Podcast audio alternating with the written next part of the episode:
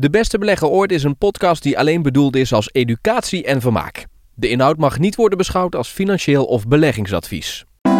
Dit is eh, de beste uh, belegger ooit, een podcast over beleggen met André Brouwers van het Beleggingsinstituut en mijn naam is uh, Tom Jesse. Um, we hebben het eerder al een keer over gehad, vond ik een mooie uitspraak van jou André over je buurvrouw. Eigenlijk als je weet dat je buurvrouw ook aan het beleggen is, terwijl ze bijvoorbeeld iets heel anders doet, dus niet in de sector zit, dan moet je op gaan passen, want dat betekent het dat iedereen ermee bezig is.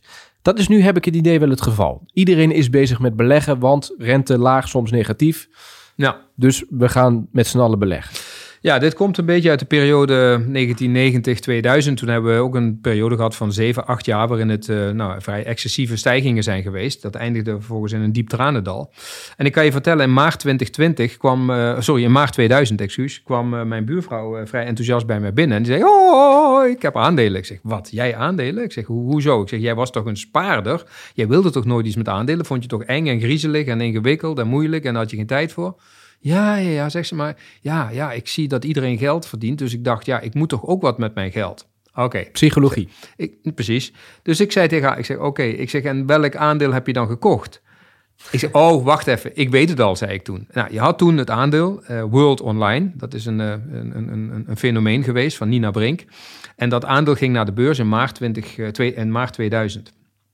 En ja, dat was een hype, want iedereen, als je dan nieuwe bedrijven naar de beurs bracht, het was het internet brak door, alles was goed als het maar internet was, of het geld verdiende of niet, was allemaal totaal niet relevant. Er was in die tijd zelfs was een aandeel dat heette like, Fright Air, wat letterlijk uh, gekocht werd door beleggers. Dat is echt gebeurd, dat is geen geintje. Maar goed, mijn buurvrouw die kocht dus aandelen World Online. Toen dacht ik, wacht even. Ik zei dat ook tegen haar. Ik zeg, luister, uh, als jij nu en al die jaren, we hebben tien jaar stijging gehad. En nu ga jij in één keer meedoen. Nou, ik zeg, dan ben je wel redelijk laat op het feestje. Hè?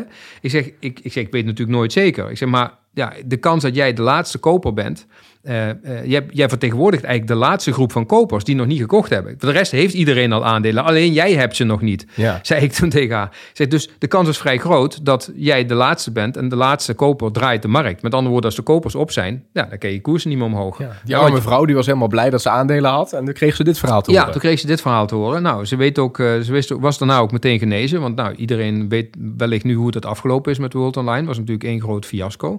Maar het ging me niet per se zozeer alleen om, de, om, om, om, om zeg maar dat specifieke aandeel. Het ging gewoon meer om het feit dat we acht tot tien jaar lang stijgende markt hadden gehad. Het ging parabolisch, het hield niet op, iedereen werd gek.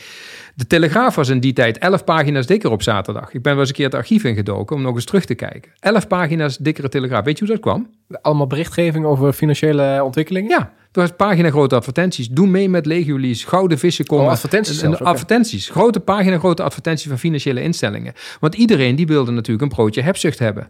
Want de markt was op zoek naar broodjes hebzucht. De particulier was op zoek, was rijp voor broodjes hebzucht. Ze wilden ons geld hebben. N nou ja, laat ik zo zeggen. Dat is twee, tweeërlei. Hè. De, de, particulier zoekt rendement en dan, dan gaat de financiële wereld, die gaat, die gaat de producten wel leveren. Als jij behoefte hebt aan broodje hebzucht, dan krijg je broodje hebzucht. Drie jaar later, in de daling, wilde niemand meer beleggen. Toen wilde iedereen een spaarrekening. En vooral zekerheid. En toen kreeg je de zekerheidscertificaten. En dan, dan zie je precies na drie jaar daarna... zie je alle advertenties om iets heel, een rondom een heel ander thema. En het grappige is, die financiële instelling... die zou je dus eigenlijk in 2000 moeten zeggen... sorry mevrouw, maar wij verkopen geen broodjes hebzucht... want u heeft tien jaar lang de boot gemist. Hè? Uh, en zeggen, ja, dat doen we nu niet. U kunt nu wel een broodje zekerheid bij ons kopen. Maar na drie jaar daling dan moet je broodje hebzucht hebben. Toen kon je koersen, toen waren de aandelen, het, het, wereldwijd beleggend aandelenfonds van Robeco kelderde in drie jaar tijd 62 procent, ja. Tom. Anticyclisch dus eigenlijk. Precies. En uh, ja, dacht je dat er toen iemand de aandelen Robeco wilde kopen na drie jaar daling in nee, maart 2003? Ja. Nee, want iedereen wilde een spaarrekening. Ja. Maar nou ja, dat is dus heel apart. He, dus je moet laag kopen en hoog verkopen, maar wij zijn fantastisch in staat, de massa is fantastisch in staat om precies het omgekeerde te doen. Ja, maar dat heeft natuurlijk, ik, snap, ik kan het denk ik wel verklaren, want hè, je buurvrouw, iedereen is positief. Wat kan er nou eigenlijk misgaan? Laat ik het ook maar doen. Ja. En op het moment dat je het dus eigenlijk moet doen, ja, dan hoor je om je heen alleen maar Zeker. horrorverhalen, mensen Zeker. die eruit vliegen. Ja. Nou, laat ik nu maar... En dus, en dus moet je, ja, ben je helemaal eens, dat is inderdaad de situatie. En die moet je dus losmaken van de massa, want de massa verdient nooit geld. Massa is altijd te laat. Dat is een van de dingen die... Belangrijke lessen. Los, niet Zeker. doen wat de buurman doet. Zeker. Uh, dus vooral als dat in een, in een, nou ja, tenzij de buurman een, een iets doet wat, wat niemand doet. Mm. Dat is interessant. Kijk, als iedereen in de tomaten zit, moet jij in de komkommers. Uh, en, en ja, dat is lastig, want iedereen heeft het bewijs. Ja, maar met tomaten verdien je geld. Ja. Dus mensen willen bewijs hebben dat iets werkt. Ja. En naarmate het bewijs krachtiger wordt, extremer wordt, beter wordt, dan, is, dan word je getriggerd. Ja. Dat is een logische menselijke gedachte. Dus het is heel logisch dat die buurvrouw getriggerd wordt.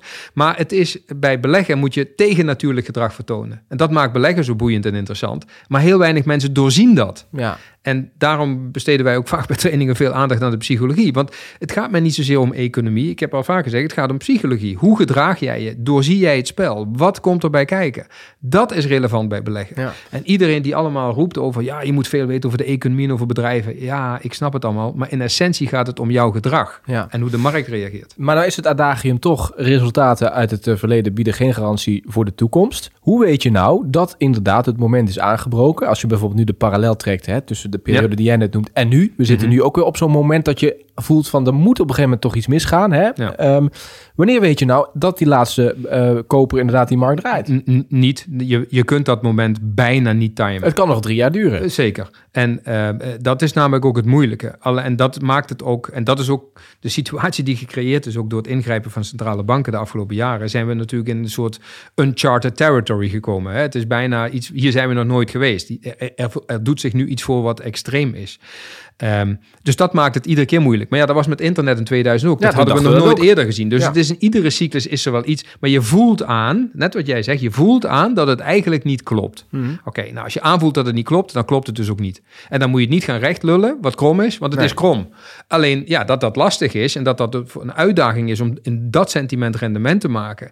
En om in dat sentiment ehm, eh, ja, toch nog proberen je kapitaal te laten groeien. Ja, dat is een verduvels lastig eh, issue. Ja, precies. Eh, En, en ja, goed. En daar zijn ook wel weer oplossingen voor. Alleen, ja, je moet, dat is wel de situatie op dit moment. En dan moet je dus eigenlijk afwachten. Ook als je hopeloos wordt, dan moet je dus vooral blijven wachten. En je zei net nog... Nou, iets- je- nou ja, of je moet nadenken over een andere strategie. Het antwoord kan ook zijn dat je op een andere manier gaat beleggen. en wat, hoe kan dat dan bijvoorbeeld? Nou ja, één, ik heb al ooit eens een keer wat uitgelegd over het afdekken van risico's. Mhm. Dus als jij je Dat risico kan ook nu in die opgaande markt. Ja, zeker. Maar eh, sterker nog, en het kan ook zijn dat je juist gaat profiteren van een dalende markt als die ontstaat. Moet je wel een andere mindset hebben. Dus er zijn ook mogelijkheden om met eh, bijvoorbeeld door de handel eh, te handelen op een daling en rendement te Maar dan maken. bedoel je short gaan op verliezen. Bijvoorbeeld, ja, maar alleen dat kun je. Ik bedoel, ik ga je nu dit pleidooi geven dat iedereen zomaar wat moet gaan doen. Net zo min als dat je zomaar wat moet kopen, moet je ook niet zomaar short gaan. Dat moet je al helemaal niet doen. Nee. Oké.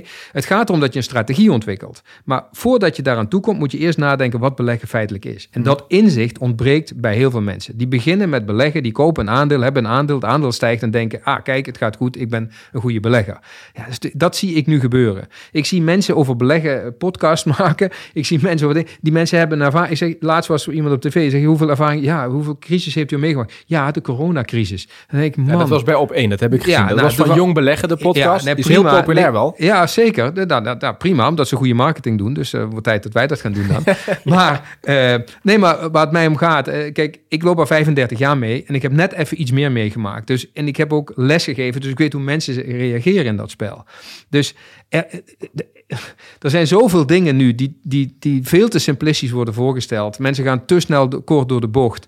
Ja, dat, is, dat hoort er ook bij. Weet je, dat is die elf pagina's van de Telegraaf. Dat is hetzelfde als ik nu overal podcasts zie over beleggen. Of iedereen heeft tegenwoordig wat te melden over beleggen. Of, eh, nou ja, noem het maar op. Het is populair. De massa is ermee bezig. Daar wordt weer over geluld op een verjaardagsfeestje, om het maar even heel plat te zeggen. Ja. Nou, dan weet je dat het zover is. Dan weet je dat de massa in beweging is en dat die massa fout gaat. Oké, het wordt in ieder geval interessant wat de komende tijd gaat gebeuren. En je zei nog iets interessants, want je zei eigenlijk die, die financiële instellingen. Ik word ook wel eens gebeld door mijn bank. Die zeggen, ja, we zouden nu dus gaan beleggen. Die zouden dat dus, is toch gek? Ja, maar die zouden dus eigenlijk ook een soort van voorzorgs- of, of Ja. een preventieve boodschap moeten uitstralen naar mij. Van meneer Jesse, eh, het, het kan zijn, hè, u kunt gaan beleggen, maar weet u wel, re- realiseer u wel, het kan ook zo meteen voorbij zijn met de opgaande markt. Nee maar, nee, maar kijk, het punt is, waarom belt de bank niet? Waarom belt ze nu? En het eerste wat je vragen in de bank, waarom belt u mij nu en nu tien jaar geleden? Dat Ik heb letterlijk nu net een gemiste Ja, oproep van... Van de bank, ja. ja, Ja, nee, serieus. Nee, ik geloof het, ik weet het. Ja, nee, maar, maar, dat, maar dat is dus het eerste wat je zou kunnen vragen. Waarom belt u mij nu? U had mij tien jaar geleden moeten bellen, toch? En toen stond de koers een heel stuk lager. Toen was het ook het moment om te kopen, of niet? W- Mis ik iets hier? Ja. Dat is de eerste vraag die ik zou stellen. Ik wil graag dat gesprek wel met die die bank voeren. het, het, het, tweede punt is, ja, jij moet, omdat je jong bent, moet jij nadenken over een vermogensstrategie. Daar moet je altijd over nadenken. Of het nou hoog of laag staat in de markt. Je hebt altijd je zorgplicht naar je eigen geld. Dus je moet nadenken, ik ga hard werken, je verdient goed, je hebt leuke podcast, Tom. Dus je verdient een paar centjes, die moet je gaan beleggen. Daar moet je een strategie op ontwikkelen. Um, dus dat, dat er aandacht voor, moet komen, aandacht voor is en steeds meer komt, vind ik een goede zaak. Dus dat die jonge podcaster is en weet ik veel wat allemaal, prima, heel goed, voorlichting. Alleen, het gaat om het feit dat, dat ik vind de voorlichting niet uitputtend genoeg. Ik vind hem niet duidelijk genoeg en ik vind hem niet ervaringsrijk genoeg, om het zo maar even te zeggen. Ja. Daar ontbreekt een hoop aan. En dat is wat mij stoort. Dat, dat er aandacht voor is, is goed. Jonge mensen moeten gaan beleggen. Alleen hoe dan? En wat is beleggen dan eigenlijk? En daar gaan ze tekort door de bocht. We hebben van, naar aanleiding van eerdere afleveringen al uh, verschillende vragen gehad. En die zijn vaak heel gedeta uh, gedetailleerd. Daarom hebben we een e-mailadres. Uh, podcastapenstaatje beleggingsinstituut.nl staat ook in de show notes. Als je daar een mail naar stuurt, het kan eventjes duren, want er wordt veel op gereageerd. Maar dan zorgen we ervoor dat je in ieder geval een reactie krijgt van het team van André. Of misschien wel van André zelf. dank voor deze aflevering weer, ja, André. Gedaan. Abonneer je ondertussen op dit kanaal. Dan krijg je vanzelf een seintje als er een nieuwe podcast is. En we zouden het ook leuk vinden als je een recensie achterlaat als je op Apple Podcast luistert, dan kun je sterren achterlaten en eventjes een berichtje achterlaten wat je hiervan vindt, zodat wij weer meer mensen bereiken. Tot de volgende keer.